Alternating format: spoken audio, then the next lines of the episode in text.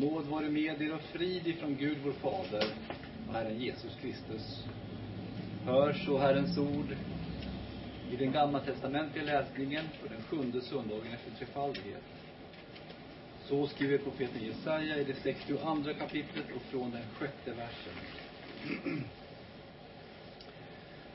På dina murar, Jerusalem, har jag ställt väktare. Varken dag eller natt får de någonsin tystna.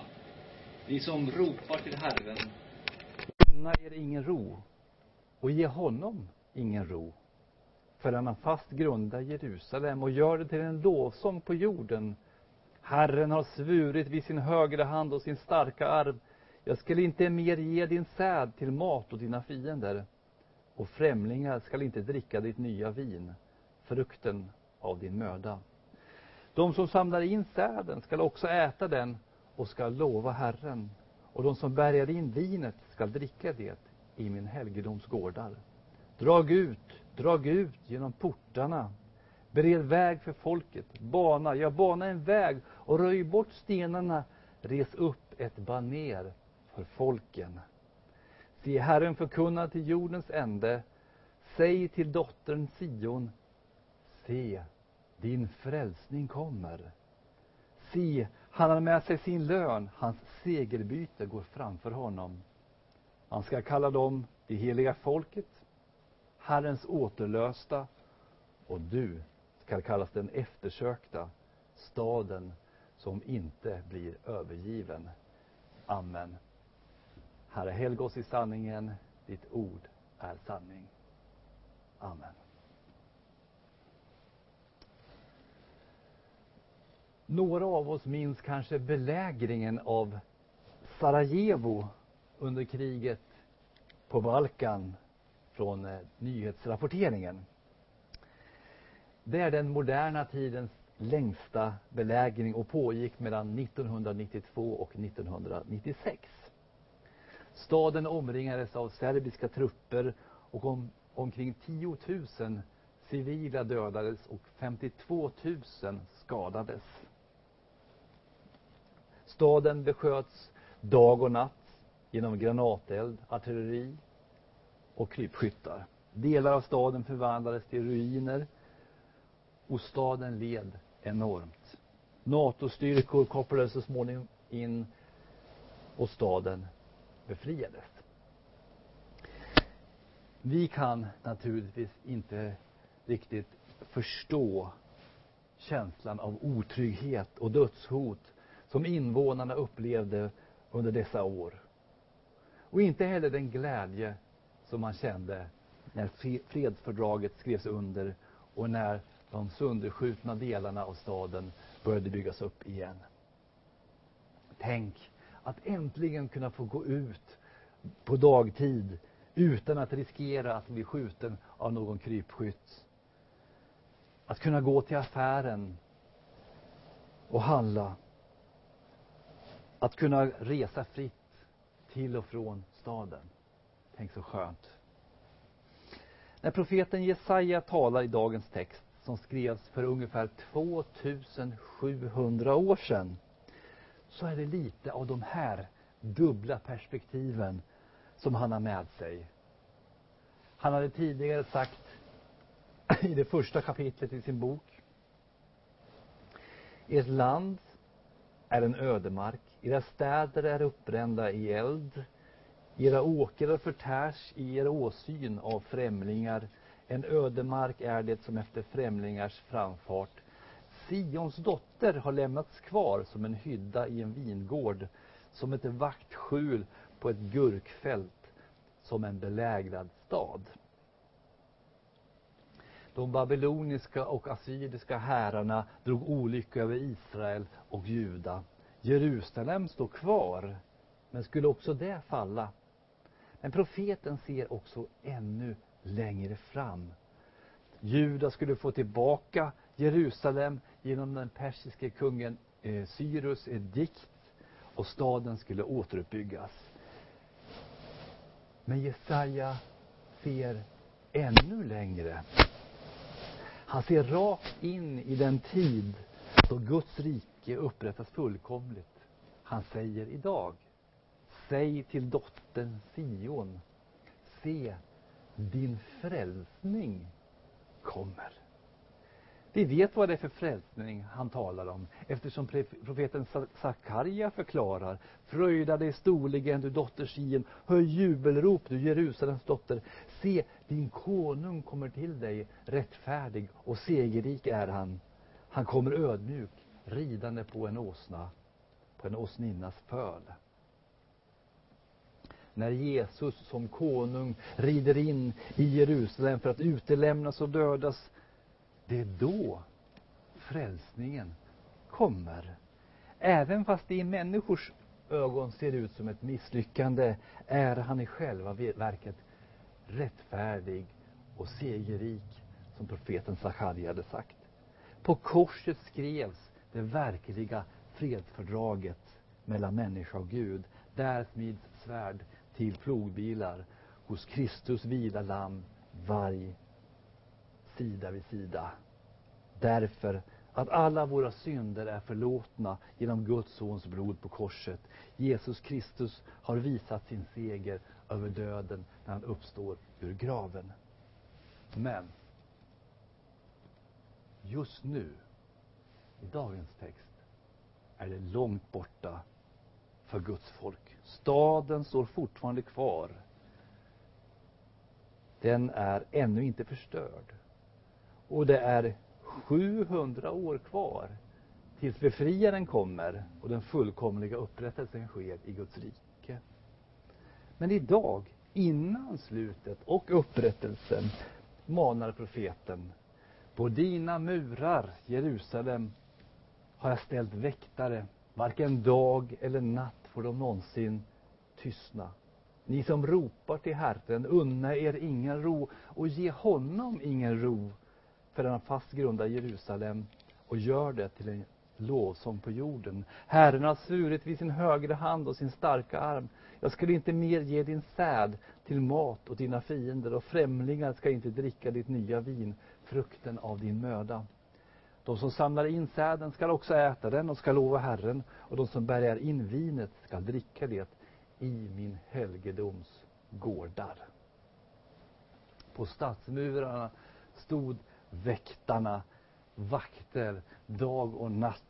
De skulle ropa och varna om fientliga arméer närma sig staden så att bågskyttar och andra soldater kunde komma upp på murarna. Unna er ingen ro, säger profeten. Men de skulle inte bara varna folket för fara.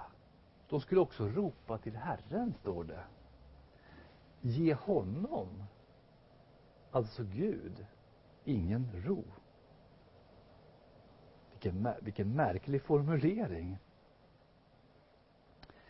Han menar alltså att väktarnas böner ska vara så innerliga att de nästan kan liknas vid tjat. Vi minns liknelsen om änkan och domaren som Jesus ger oss i Lukas 18. Hon drev en rättsprocess mot en annan person. Och det tog lite tid. Ni vet att många rättsmål, de rinner ut i sanden för att det tar sån tid. Men änkan kom gång på gång till domaren och bad honom ge mig rätt inför min motpart. Och bara för att hon var så envis och inte gav upp så gav domaren till slut henne rätt. Jesus förklarar med sin liknelse, skulle då inte Gud skaffa rätt åt sina utvalda som ropar till honom dag och natt, då han ju lyssnar tåligt till dem. Och därför ska vi inte ge upp, utan be länge och tålmodigt. Lukas förklarar också att Jesus berättade för dem liknelsen för att visa dem att de alltid borde be utan att tröttna.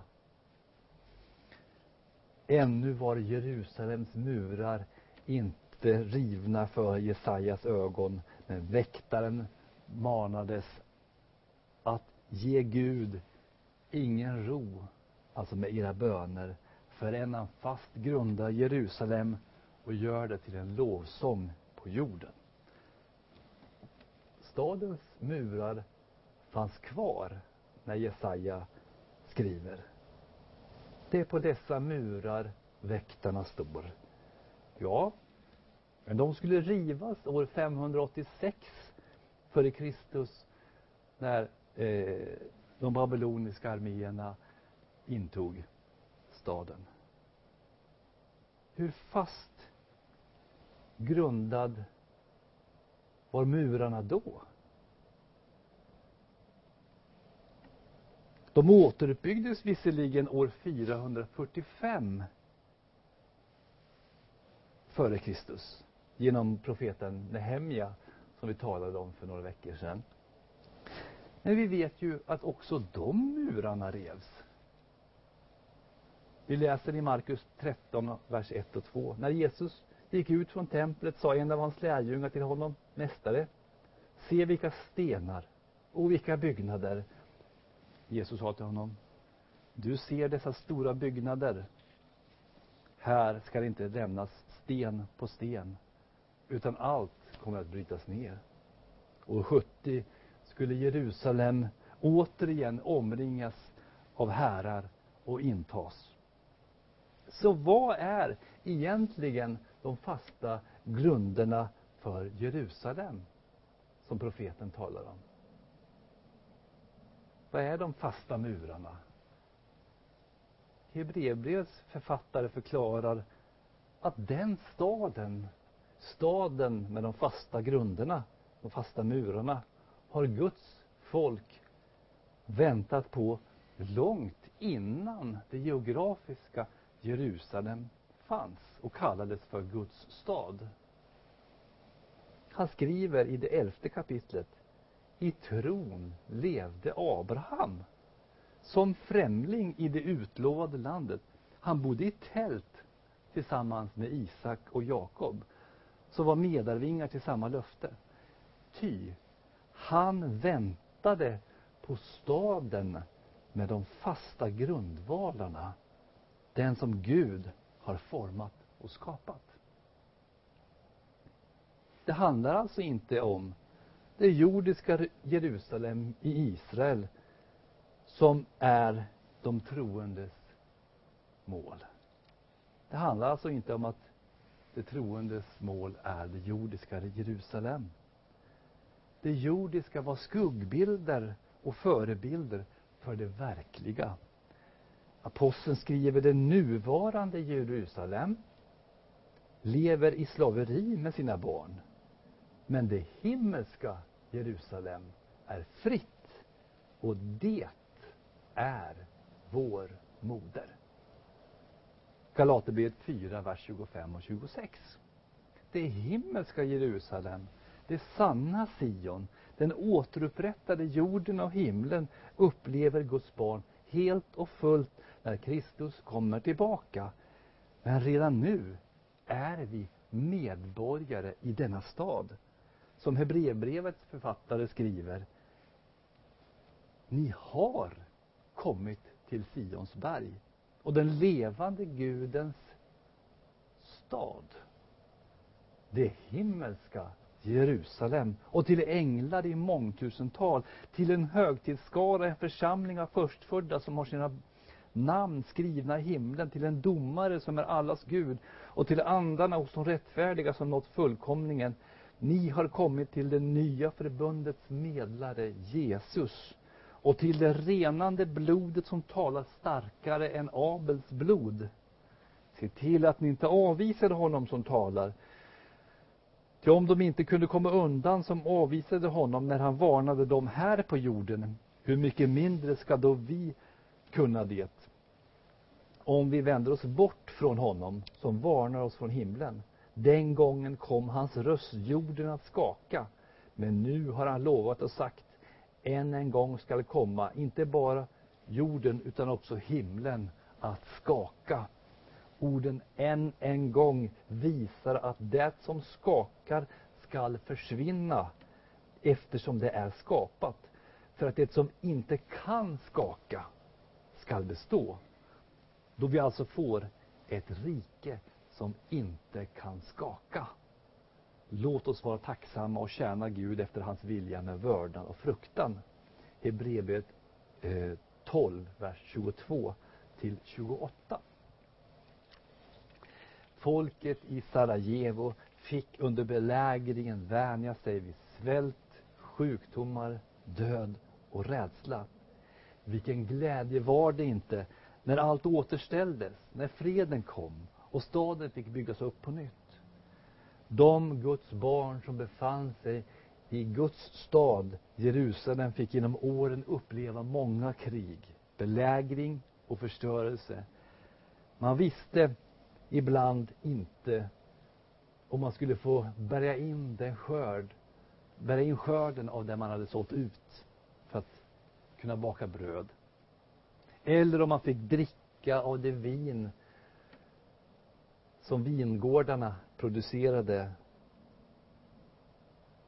Hur underbart var det då inte att höra Guds ord genom profeten Jesaja. Herren har svurit i sin högra hand och sin starka arm. Jag skall inte mer ge din säd till mat åt dina fiender och främlingar skall inte dricka ditt nya vin. Frukten av din möda. De som samlar in säden skall äta den och skall lova Herren och de som bärgar in vinet skall dricka det i min helgedoms gårdar. Så har vi samlats här idag för att ta emot Kristi kropp och blod under bröd och vin. De välsignelser Gud ger oss i det nya riket kan ingen ta ifrån oss. Skulle fienden ta ifrån oss tillgången till nattvarden här på jorden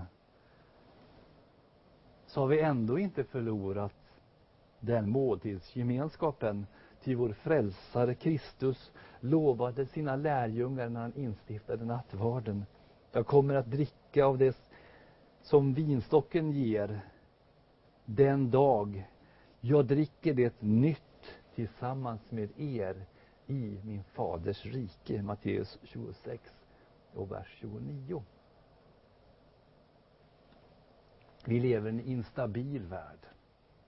Länder anfaller andra länder. Gränser ritas om. Och kriget lämnar förödelse och ruiner bakom sig. Vi har pratat om Balkankriget.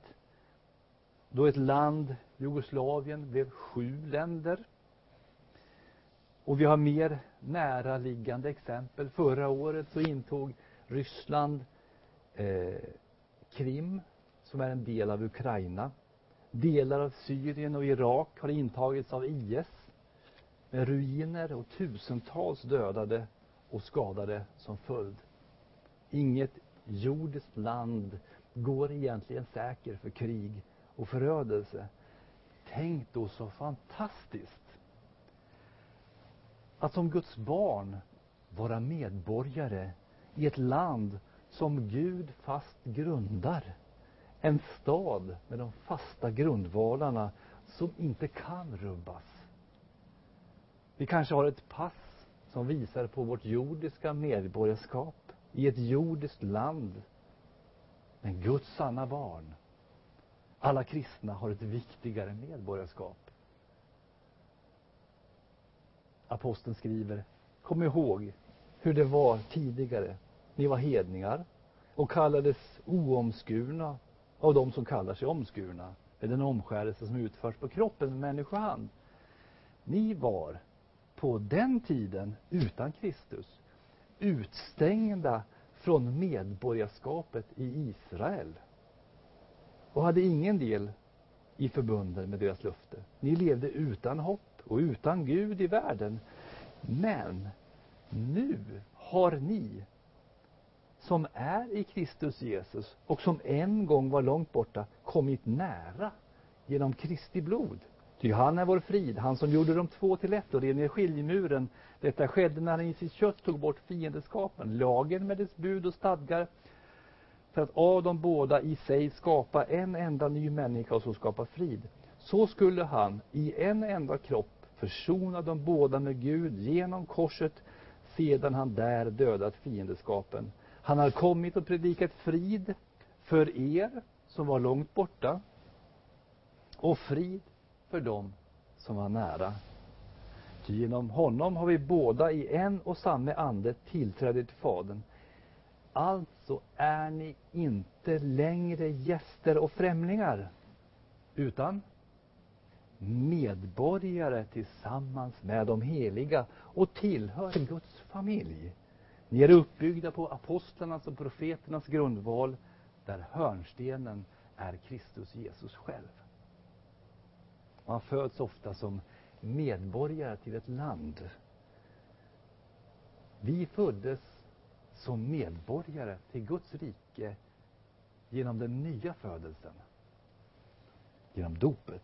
Vi är försäkrade trygghet i det nya Jerusalem, Sion och Guds sanna Israel genom Jesus Kristus, Guds sons blod på korset. Han dog för våra synder för att vi skulle stå rättfärdiga inför Gud. Genom tron är vi som Guds barn del i det nya riket som Kristus kom med. Och därför säger Gud genom profeten Jesaja idag till folket i Jerusalem och till dig och mig. Drag ut, drag ut genom portarna, bered väg för folket. Bana er bana en väg och röj bort stenarna. Res upp ett baner för folken. Se, Herren förkunnar till jordens ände, säg till dottern Sion, se din frälsning kommer. Se, han har med sig sin lön, hans segerbyte går framför honom. Man ska kalla dem det heliga folket, Herrens återlösta, och du ska kallas den eftersökta, staden som inte blir övergiven. Jesus har kommit. Och han ska komma tillbaka på den yttersta dagen. Hans segerbyte går framför honom. Segerbyte? Ja, i gamla tider så förde erövrare i krig med sig segerbyte, krigstroféer som han förde framför sig och som han stolt visade upp inför folket i städerna. Vad är det för segerbyte Kristus har med sig? Han har med sig det som vi mest av allt behöver. Och vad är det vi mest av allt saknar och mest av allt behöver? Det mesta i den här världen kan vi undervara. Materiella saker, hus, mat och kläder. Ingenting av detta kan vi ta med oss till den andra sidan. Vi har dock alla en packning som vi släpar på. Det är alla våra felsteg. Det är våra synder. Det är våra övertramp och våra felsteg inför Guds lag. Vill vi ta med oss det inför en helig Gud när vi lämnar det här livet? Nej, självklart inte. Det vill vi ju inte. Så vad är det vi behöver som är hans segerbyte? Det är förlåtelse. Vi behöver Guds rättfärdighet. Vi behöver stå rena inför en helig Gud för att kunna bestå i domen. Jesus gick upp på korset i en helig strid. Gud straffade alla våra synder i hans kropp för att han skulle kunna ge oss förlåtelse och rättfärdighet inför Gud som ett segerbyte när han segrade på korset.